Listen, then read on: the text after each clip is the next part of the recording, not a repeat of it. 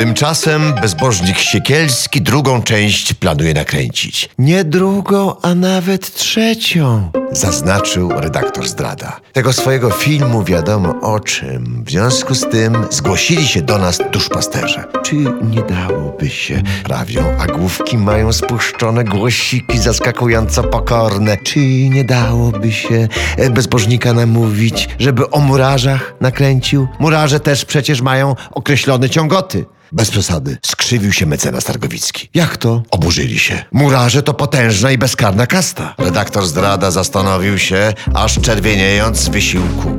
Wiadomo, pecunia non olet. Pieniądze nie śmierdzą. Jest zlecenie, trzeba się go podjąć. Fakt, wreszcie. Czy niby przypadkiem dzieciom od maleńkości kupuje się klocki? Czy przypadkiem wzbudza się w nich zaufanie do budowniczych? By do nich mistrzów kielni lgnęły niewinne duszyczki? No więc, czy by się aby nie dało przekonać Siekielskiego? Powtarzają duszpasterzy. Spróbujemy. Zgodził się wreszcie Targowicki. Niech opisze wstrętny mechanizm przenoszenia zboczeńców z budowy na budowę. No więc pracujemy nad tym, żeby Siekielski się zgodził. O starej znajomości. A wy na wszelki wypadek nie posyłajcie dzieci na budowy.